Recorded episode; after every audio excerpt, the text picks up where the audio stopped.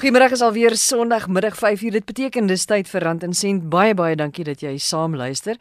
En baie dankie ook vir jou terugvoer en vir die e-posse wat ek ontvang. Onthou my adres stein.se@gmail.com en uh, dis daar vir jou vrae en jou voorstelle. Ons begin vanmiddag met 'n nuwe reeks van 4 gesprekke wat almal gaan oor aftredebeplanning. Ons gaan jou deur die hele proses neem. Ons begin by beplanning vir aftrede. So, hoe beplan jy vir die dag wanneer jy gaan aftree? Wanneer moet jy begin? Ons praat ook oor beplanning by aftrede. Dit is nou wat jy moet doen kort voordat jy gaan aftree of net wanneer jy afgetree het. En dan ook beplanning na aftrede. Wat doen jy met daai pensioengeld wat nou skielik uitbetaal word en die ander beleggings wat jy het? En dan gaan ons laastens kyk na boedelbeplanning met aftrede of na aftrede. En vanmiddag dan ons eerste gesprek en dit is beplanning vir aftrede. Dan in die tweede deel van die program gaan ons praat oor die skep van 'n trust, die voordele daarvan om eiendomme en ander bates in 'n trust te registreer en hoe 'n mens dit dan nou doen. Nou Wouter Fourie is my eerste gas. Hy's geen onbekende hier by ons by Rand en Sent nie. Hy is die direkteur van Escor Independent Wealth Managers. Hy's ook die skrywer van The Ultimate Guide to Retirement in South Africa en hy's 'n gesertifiseerde finansiële beplanner. Wouter, beplanning vir aftrede, ons eerste gesprek in die reeks. Susan en uh, dankie weer eens vir die geleentheid om hierdie luisteraars te deel. As ons kyk na beplanning vir aftrede, is dit belangrik om te sê wat beteken aftredebeplanning? Aftredebeplanning is niks anders as om huidige inkomste wat jy verdien uit te stel totdat jy eendag aftree nie. Hoekom dit baie belangrik is dat ons hier oor gesels is. Ons sit in Suid-Afrika het ons 'n redelike uitdaging en ons ons kyk na die nuutste syfers wat vrygestel is deur Alexander Forbes, dan is dit duidelik dat daar nog steeds 'n groot krisis is dat mense nie genoegsaam spaar vir aftrede nie. Nou ek dink 'n beginsel wat ons wat ons baie teekom is mense vra vir my maar kan ek nie wag om af te tree wanneer ek meer geld verdien eendag nie. En die realiteit is dit is nie die regte manier om dit te doen nie. So die ideaal is dat jy van dag 1 af wat jy begin werk, soveel as moontlik bydra tot jou aftrede beplanning. En in werklikheid is dit net geld wat jy een kan sit vir jouself as jy ouer is. Nou daar's verskeie persentasies wat ons gewoonlik gebruik om te bereken en ek dink die volgende vraag moet wees maar hoeveel is genoeg vir aftrede?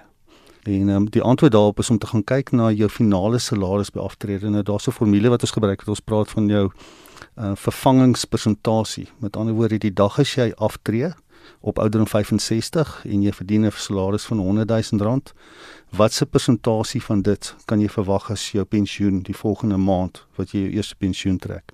En daai persentasie moet verkieslik 75% of meer wees. Met ander woorde, ek 100 000 rand Januarie maand my salaris, ek tree af in Februarie, so ek wil 75 000 rand en meer hê. En daai vervangingspersentasie as ons kyk na die huidige bates wat mense spaar, is daar minder as 4% van die bevolking wat by daai persentasie kan uitkom. Met ander woorde mense is in vir 'n groot skok as hulle nie behoorlik beplan vir aftrede nie. Maar jy weet Wouter, jy sê nou jy verdien 100 000 rand 'n maand. Dit is 'n baie groot salaris en dit is vir as jy 100 000 rand 'n maand verdien nou dan kan jy goed beplan vir jou aftrede. Maar ons weet dat die dit is die dit is die wat die top 3% waarvan jy nou hier praat of die top 5% of die top 10% in die land. Ons weet dat die meerderheid van mense verdien minder as selfs 75000 rand wat nodig is om 'n belastingopgawe in te dien. Hoe gaan ek beplan as ek so min geld verdien? So die 100 000 rand is net om die sommetjie maklik te maak want 75% van 100 000 rand is 75 000 rand. So as jy 10 000 rand verdien, dan vat jy 75% daarvan. Dan sê maar as ek nou 10 000 verdien, gaan ek volgende maand kan uitkom met 7500. In meeste van die geval sal jy dit kan doen by aftrede, maar die realiteit is meeste mense kom nie eens naby daai syfer nie. As ons kyk na die huidige persentasies, dan is dit iets soos 20%, 23% van jou finale salaris gaan jy kan verdien by aftrede. Dit is skokwekkend. Ek bedoel dit beïnvloed mense lewenstyl, dit beïnvloed jou jou ehm um, uitkomste oor die lewe, dit beïnvloed ook die realiteit dat jy dan moet begin staatmaak op ander mense se inkomste, dat jy by jou kinders gaan moet intrek, 'n lewensveranderende omstandigheid en dalk in plaas daarvan dat jy in jou ou dag jou ou dag geniet word jy las vir iemand hmm. anderste. Nou goed, hoe jy sê in die eerste plek moet jy so gou as moontlik begin. Wanneer begin ek?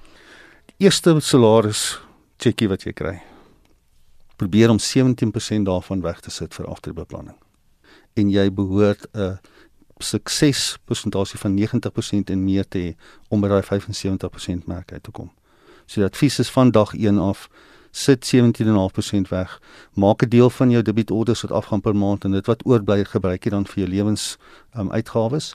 En dan moet jy ook net besef dat baie keer as jy by 'n werkgewer begin wat 'n pensioenfonds of 'n voorsorgfonds het en wat bydraes namens jou maak, dan moet jy nog steeds gaan kyk dat die bydraes wat hulle maak plus jy kan ekstra maak om daai 17% op te maak. Dan weet jy jy is op 'n veilige pad. Die realiteit is as ons dit uitstel, dan word daai spaarproses, die persentasie van 17 word al hoe hoër soos dit ons ouer word. Kan jy net asseblief ons weer daai voorbeeld gee van as jy byvoorbeeld vroeg begin spaar, hoeveel geld jy kan verdien teenoor iemand wat eers 10 jaar later begin spaar? So ek het ek kan vir jou 'n voorbeeld gee. Dit is byvoorbeeld as jy gaan kyk, as jy 'n miljoen rand wil spaar tot en met ouderdom 65. So op jy as jy op 65 miljoen rand wil hê en jy begin spaar op ouderdom 25, dan moet jy R180 per maand wegsit. As jy daai uitstel en jy begin eers spaar op ouderdom 45, moet jy R1800 per maand wegsit. So dis 'n massiewe bedrag wat jy ekstra moet wegsit. En in baie gevalle ontmoet ek kliënte en vriende en kollegas wat my sê man, ek sal begin spaar bietjie later as die kinders uit die skool uit is of die kinders uit die universiteit is, gaan ek 'n groter bedrag. Maar die realiteit is jy gaan dit nooit opvang nie. So probeer altyd van dag 1 af te spaar so gou as moontlik. Kom in 'n gewoonte, maak dit deel van jou begroting en weet dit is jou eie geld wat jy vir jouself een. So dit moet amper bo aan in jou bo aan jou begroting moet daar staan daai bedrag wat jy eintlik vir jouself betaal, nê? Want jy dis betaal dit in jou eie sak ja, in. Dis 'n ou beginsel van betaal jouself eers. En mense dink dis 'n uitgawe, maar dis nie 'n uitgawe nie. Dis net jy vat geld en jy sit dit op 'n ander plek vir 'n later stadium. Nou, waarin moet jy daai geld belê? Reg, so waarin kan ons geld belê? As jy gaan kyk na beleggings, is daar vier basiese bateklasse waarin jy geld kan belê. So jy kan geld in kontant gaan belê. Nou kontant beteken jy gaan na bank toe en sit dit in 'n spaarrekening of jy sit dit in 'n uh, geldmarkrekening. So dis die een bateklas. Dis 'n veilige bateklas as jy vir 'n jaar lank wil spaar, maar dis nie die bateklas wat jy in wil spaar as jy wil spaar vir aftrede nie, want die groei is nie goed genoeg nie. Groei op 'n op 'n rentedraande of 'n geldmarkinstrument gaan vir jou inflasie plus 1% gee voor belasting. Die tweede bateklas is staatseffekte of effekte. Nou dit is net 'n lening wat jy in die staat maak wat dan vir jou persentasie rente betaal. In meeste van die gevalle is daai rente bietjie meer as wat die banke gee, maar dit kom met meer risiko as wat jy byvoorbeeld met 'n spaarrekening by bank gaan kry. Jou derde bateklas is eiendom. Eiendom kan wees genoteerde eiendomme, dit kan ook wees 'n eiendom wat jy koop en uitverhuur, so dis ook 'n bateklas. En dan moet 'n mens net weer eens versigtig wees van as jy belê in 'n eiendom in 'n pensioenfonds, is 'n belasting aftrekbaar waar as jy byvoorbeeld 'n huurhuis gaan koop is nie belasting aftrekbaar nie. Jy moet daai sommetjie maak.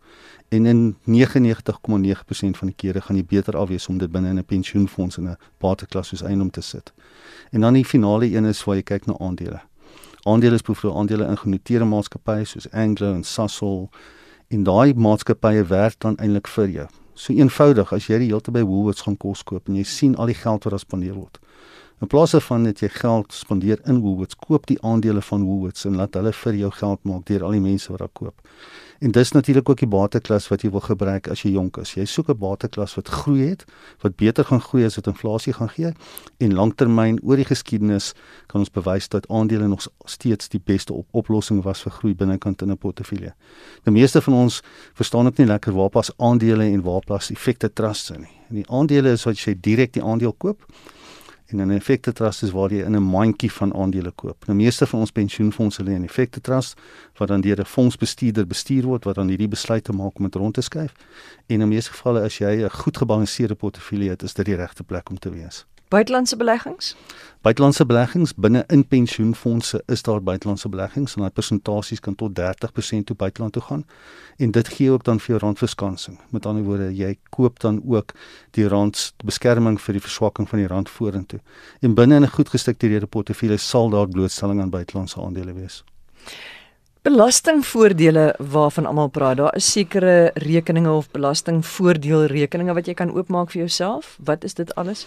Ja, so ek dink die produkte waarin 'n mens kan belê vir pensioen is 'n pensioenfonds, 'n voorsorgfonds of 'n uitreaniteitfonds.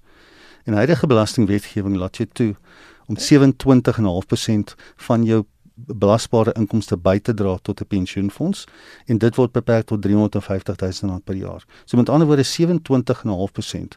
Ek het nou nou gesê 17% gaan jou kry om veilig te wees.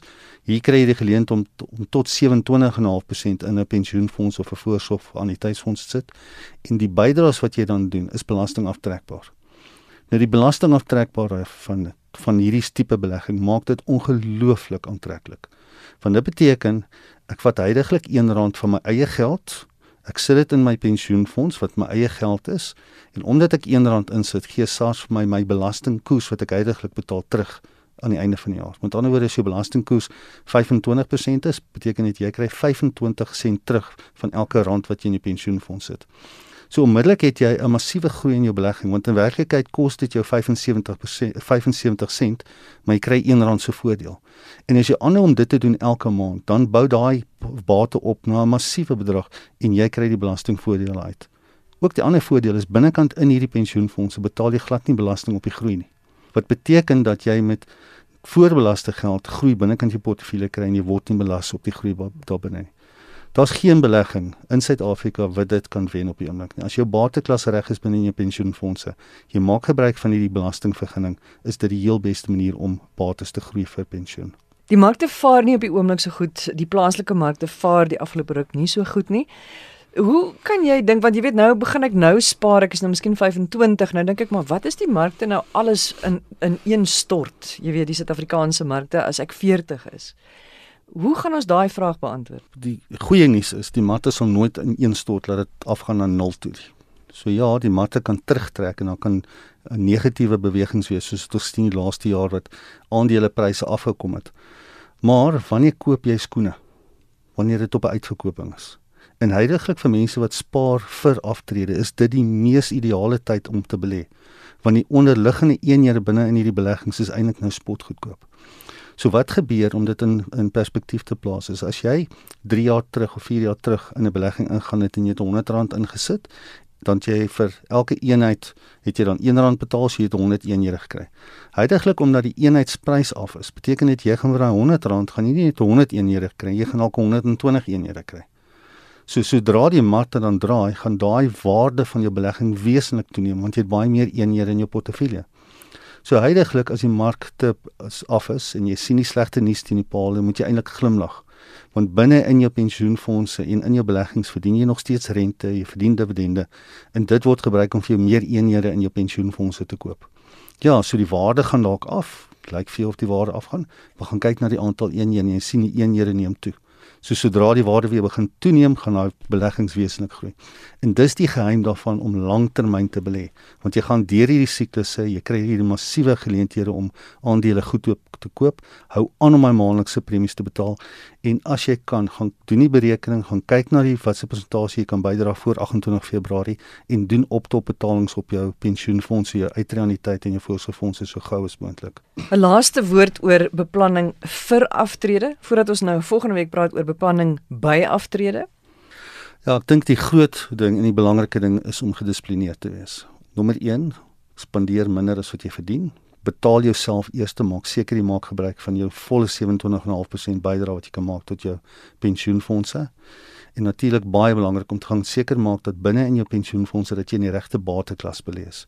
Nou net om af te sluit om 'n voorbeeld te gee. Kliënt wat onlangs by ons gekom het, het in 2008 toe die markte begin afgaan, het hy uitbeweeg uit aandele uit, hy het dit in kontant parkeer en hy het per ongeluk vergeet om dit weer terug te sit in aandele. Of hy was nie gemaklik geweest nie.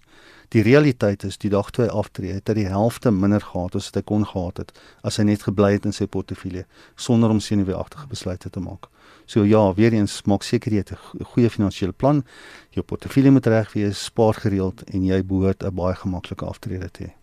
Wouter, altyd baie lekker om met jou te gesels. Baie dankie vir die inkom ateljee toe. Dit is Wouter Fourie. Hy is 'n uh, direkteur van Escor Independent Wealth Managers. Hy is skrywer van The Ultimate Guide to Retirement in South Africa en hy is 'n gesertifiseerde finansiële beplanner. Volgende week praat ek en Wouter oor beplanning by aftrede. Arina Triter is 'n prokureur by Dingdi Marshall en Arina verfris gou weer ons geheue oor die skep van 'n trust, die voordele daarvan uh, om eiendom en ander bates in 'n trust te registreer en hoe mense dit reg gaan doen. Maar net gou eerstens, hoekom gaan ek nou noodwendige trust skep en gebruik? Gewoonlik word 'n trust gebruik om bates te beskerm en dan ook om te verseker dat die genomineerde begunstigdes van hierdie trust die voordeel kry om uiteindelik die bates te gebruik as daar iets sou gebeur met die trust stigter. So trust is 'n regspersoon op sy eie en is heeltemal onafhanklik van die trust stigter. En sou daar dan iets met die trust stigter gebeur, is hy dan nie die eienaar van hierdie bates nie, want dit word na die trust toe oorgedra. Maar wie sal nou 'n trust stig? Want ek neem nou aan as jy nou net een eiendom het, dan is dit nou nie nodig nie. Maar ja, wie gaan is hoekom gaan ek 'n trust stig? So gewoonlik sal jy 'n trust stig as jy die eienaar is van menigte eiendom of menigte ander bates en jy het 'n familie aan wie jy dalk hierdie bates wil oorlaat eendag. Of om seker te maak dat sou daar iets met jou gebeur dat jou gesin, jou vrou, jou kinders nou omgesien kan word uit hierdie trust uit. Dieselfde as sê nou maar jy het bates en iets gebeur met jou besigheid of iets gebeur met jou dat krediteure agter jou aan is, dan is jy nie die eienaar van hierdie bates nie, want is nie trust. So hulle kan nie daaraan raak nie en dit word nog steeds beskerm vir jou begunstigdes eendag. So al kom die individu in die moeilikheid, die trust gaan nie in die moeilikheid kom nie. Heeltemal reg. So die voordele aan daar om 'n trust te hê is dat die bates heeltemal beskerm is teen enige ander derde party. En dit sluit in enige eise van die familie. Want ons weet by die tyd wat daar iets met jou gebeur en jy die boedel beredder moet word, dan skielik is daar probleme en familie het, het eise teen jou boedel wat jy dalk nie voorsien het voor nie. So dit beskerm dit ook teen dit sodat jy kan 100% seker maak die persone wat jy wil hê hierdie bates moet kry op die einde van die dag sal dit kry. En enige ander voordele daaraan? Ander voordele aan aan 'n trustskep is dat sou die trustigter sterf, dan vorm die bates deel van die trust en dit vorm nie deel van hierdie oorledene se spesifieke boedel nie. So dit word nie ingereken by die berekening van jou boedelbelasting nie. En dit is 'n groot pluspunt want dit kos vir baie mense 'n klomp geld op die einde van die dag as die boedel beredder word. En soos ons reeds gesê het, die bates is die, is die trust sin, dis in die besit van die trust so die trustigter se krediteure kan glad nie daarop beslag lê as hy vir krediteure geld skuld nie. En die trust kan dan ook gebruik word om seker te maak dat jou langslewende eggenoot onderhoud ontvang uit die trust uit of as jy minderjarige kinders het wat dalk nie nou kan erf nie, dat hulle ook inkomste ontvang uit hierdie trust uit en op die einde van die dag as hulle 18 word, kan hulle dan die bates van die trust afkry. Dit geld ook vir as jy dalk iemand in jou familie het wat spesiale behoeftes het wat dalk nie na sy eie finansiële omstandighede kan omsien nie, dan kan jy sy bates en sy erfporsie ook in 'n trust los.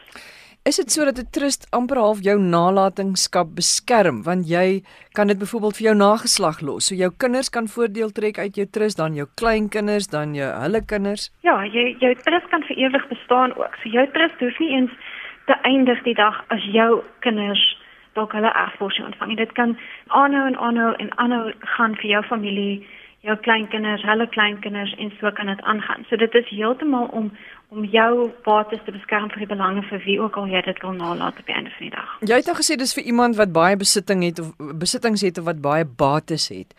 Maar hoeveel? Ek meen, hoeveel moet jy dan nou besit voordat jy 'n trust kan stig? Ek probeer uitvind, jy weet, vir wie gaan dit werk en vir wie gaan dit nie werk nie. Ek sou nie sê daar's 'n afsnypunt van as jy twee eiendomme het, dan kan jy nou nie 'n trust hê. Ek ek sou sê selfs al het jy net een eiendom, kan jy nog steeds 'n trust hê. Maar die probleem is omdat 'n trust 'n spesiale voertuig is waarmee jy jou bates dan bestuur en omdat jy daai bates dan oorgee aan die trust en nie meer die eienaar daarvan is nie. Wil jy dalk nie net as jy as jy een huis het wat jou woning is vir jou gesin, dan wil jy dalk nou nie dit heeltemal aflos vir 'n trust nie. En omdat 'n trust heeltemal ander belastingimplikasies het as 'n individu, individu, is dit belangrik om voordat jy besluit om hierdie te doen, te praat met iemand wat jou kan adviseer oor die finansiële implikasies daarvan, soos 'n prokureur of 'n finansiële adviseur, sodat jy 100% kan seker maak 'n trust sal vir jou werk gebaseer op jou persoonlike kriteria en jou behoeftes. Want die belasting op 'n trust is meer as vir 'n individu, is dit nie? Die belasting op 'n trust is meer as vir 'n individu, individu, so daar is definitief implikasies wat jy in ag moet neem voordat jy besluit om hierdie voertuig te gebruik. Arinda, hoe stig 'n mens nou 'n trust? Hoe moet jy nou begin en hoe kry jy dan nou jou bates in die trust? So eerstens as jy besluit jy wil nou 'n trust gebruik as jou voertuig, dan moet jy 'n trust akte laat opstel. So hierdie trustakte sit uiteen. Wie is die stigter van die trust? Wie gaan jou trustees wees? En wie gaan op die einde van die dag die begunstigdes van die trust wees? So wie gaan die kapitaal kry? Wie gaan die bates daai kry? Maar ook wie gaan die inkomste daarvan kry? Byvoorbeeld, as jy eiendom in die trust het en hierdie eiendom word dalk maandeliks uitverhuur aan iemand anders, dan moet daai inkomste ook aan jou begunstigdes gedeel word. So dit is belangrik om sulke goed ook in jou trustakte te sit. In jou trustakte sit ook uiteen wat is die doel van die trust? Soos wat ons nou gepraat het, gewoonlik sal die doel van hierdie trust wees om die nalatenskap aan jou begunstigdes te beskerm, so vir hulle die inkomste te gee, vir hulle die kapitaal te gee. En jy moet ook uiteensit wat is jou trustee se spesifieke regte en verpligtinge. Want omdat jy nie die trust stigter is, gaan jy nie die trust bestuur op 'n dag-tot-dag basis nie. Dit gaan in die hande van jou trustees wees. So jy moet 100% seker maak wie ook al jy aanstel as jou trustees, vertrou jy om met jou bates te woeker en seker te maak dat dit aan die einde van die dag gaan aan wie jy dit wil laat gaan. En trustees kan dan ook erfgename wees of mense wat voordeel uit die trust gaan trek. Net so, trustees kan wees enigiemand wat dalk 'n begunstigde is of wat jy aan iets wil nalat of jou familie prokureur dalk 'n finansiële adviseur wat jy vertrou om jou bates te beskerm, maar dit kan letterlik enigiemand wees wat jy dink sal die die kan doen wat die trust moet doen en seker maak jou bates is beskerm op die einde van die dag. Maar sê nou maar, veronderstel jy stel een van jou erfgename aan as 'n as as 'n trustee. Hmm. Kan daai persoon dan nie die die trust die bates binne die trust op so 'n manier bestuur of beheer dat dit tot sy en haar voordeel sal strek en nie noodwendig tot die ander persone wat ook voordeel uit die trust gaan trek nie? Ja, dit is juist hoekom jy so mooi daaroor moet dink voordat jy iemand aanstel as 'n trustee. En ook hoekom ons altyd voorstel om 'n minimum van 3 trustees te hê. Sodat daar altyd 'n meerderheidsbesluit is en een persoon nie al die besluite kan neem en dalk iets kan doen wat tot nadeel is vir die ander begunstigdes nie. So as jy jou trustees aanstel, dink daaroor wie gaan jou bates kan beskerm, wie gaan kan seker maak dat jou begunstigdes op die einde van die dag kry wat hulle toekom. In jou ideale wêreld, wie sou jy aanstel van jou trust? Watter soort mense of wie? In my ideale wêreld sal ek probeer om 'n professionele persoon aan te stel as een van my trustees, 'n uh, prokureur of finansiële adviseur, net omdat daai persone weet hoe 'n trust werk, wat die belastings en finansiële implikasies van 'n trust is, hoe jy dit spesifiek moet bestuur. En dan sal ek iemand in my binnekring aanstel, iemand soos 'n familielid, 'n goeie vriend wat jy vertrou. En al is jy die trustigter, kan jy nog steeds 'n trust trustee wees. So ek sou myself dan ook aanstel maar met ander mense om seker te maak die trust gaan dan voort as ek dan nie meer daar is nie. Nog iets wat ons moet weet oor trusts? As as jy die trustakte opgestel het, dan moet jou trust geregistreer word by die meester van die Hooggeregshof en dit gebeur gewoonlik in die area waar die stigter woonagtig is of waar die bates is. So byvoorbeeld Al is ek in die Kaap, maar meeste van my eiendom wat ek besit is in Johannesburg, dan kan ek die trust in Johannesburg registreer. En sodra die trust geregistreer is, dan kan die trust deur middel van jou trustees begin om die eiendom en die ander bates in die trust in te kry. En daar sal soos met ander alle ander eiendom wat jy koop, hereregte van toepassing wees wat betaal moet word deur die trust. So as die bates reeds bestaan en jy is reeds die wettige eienaar daarvan, kan jy dit aan die trust verkoop of jy kan dit skenk. Gewoonlik met nie gestigte trust het hulle nie enige geld tot hulle beskikking nie, so jy gee basies bloot die bates aan die trust. Maar dit is belangrik om te onthou as jy dit op so 'n manier doen, dan gaan daar nog steeds donasiebelasting betaal moet word op grond van die waarde van die bates. En dis hoekom ek sê al weet ons trust is 'n hoog effektiewe voertuig om jou bates te bestuur. Gaan dit nie altyd aan almal se behoeftes of finansiële behoeftes voldoen nie. En dis hoekom dit so belangrik is om te praat met iemand wat hierdie wêreld ken en verstaan om vir jou advies te gee daaroor. Sê nou maar ek het nou 3 huise en ja. ek gaan nou dood en ek bemaak nou my huise aan persoon A, B en C. Ja. Dan moet daar tog oordragkoste betaal word om die huise van my naam na hulle name ja, oor te dra. Ja, so die so die boedel betaal die oordragkoste, maar daar is geen belasting wat betaal. Jy hoef nie ehm um, vir SARS daai belasting oor te betaal omdat dit erfporsie is. En die voordeel in die trust sal wees dat jy dan nou nie daai oordragkoste betaal nie. Ja, as omdat jou boedel jou boedel moet nog steeds boedelbelasting betaal, gebaseer op wat jou jou totale aantal eiendom is en jou totale waarde van jou bates. So never mind aan wie dit los of waar dit gaan. Jou boedel as 'n geheel betaal boedelbelasting. En as jy dan nie daai eiendom as deel van jou waarde het nie, dan is jou boedelbelasting minder op die einde van die dag. Arinda baie dankie. Dit is Arinda Trieter. Sy is 'n assosiaat prokureur by Dingley Marshall. Volgende week gaan ons weer met Wouter praat dan oor beplanning by aftrede, ook met Arinda oor patente, handelsmerke en kopiereg en hoe dit jou sak raak. Onthou al ons gesprekke beskikbaar by www.rsg.co.za. En herhaling van Rand en Sent op 'n Woensdagoggend 04:30 net hier op RSG. Ons praat volgende Sondag verder. Mooi bly.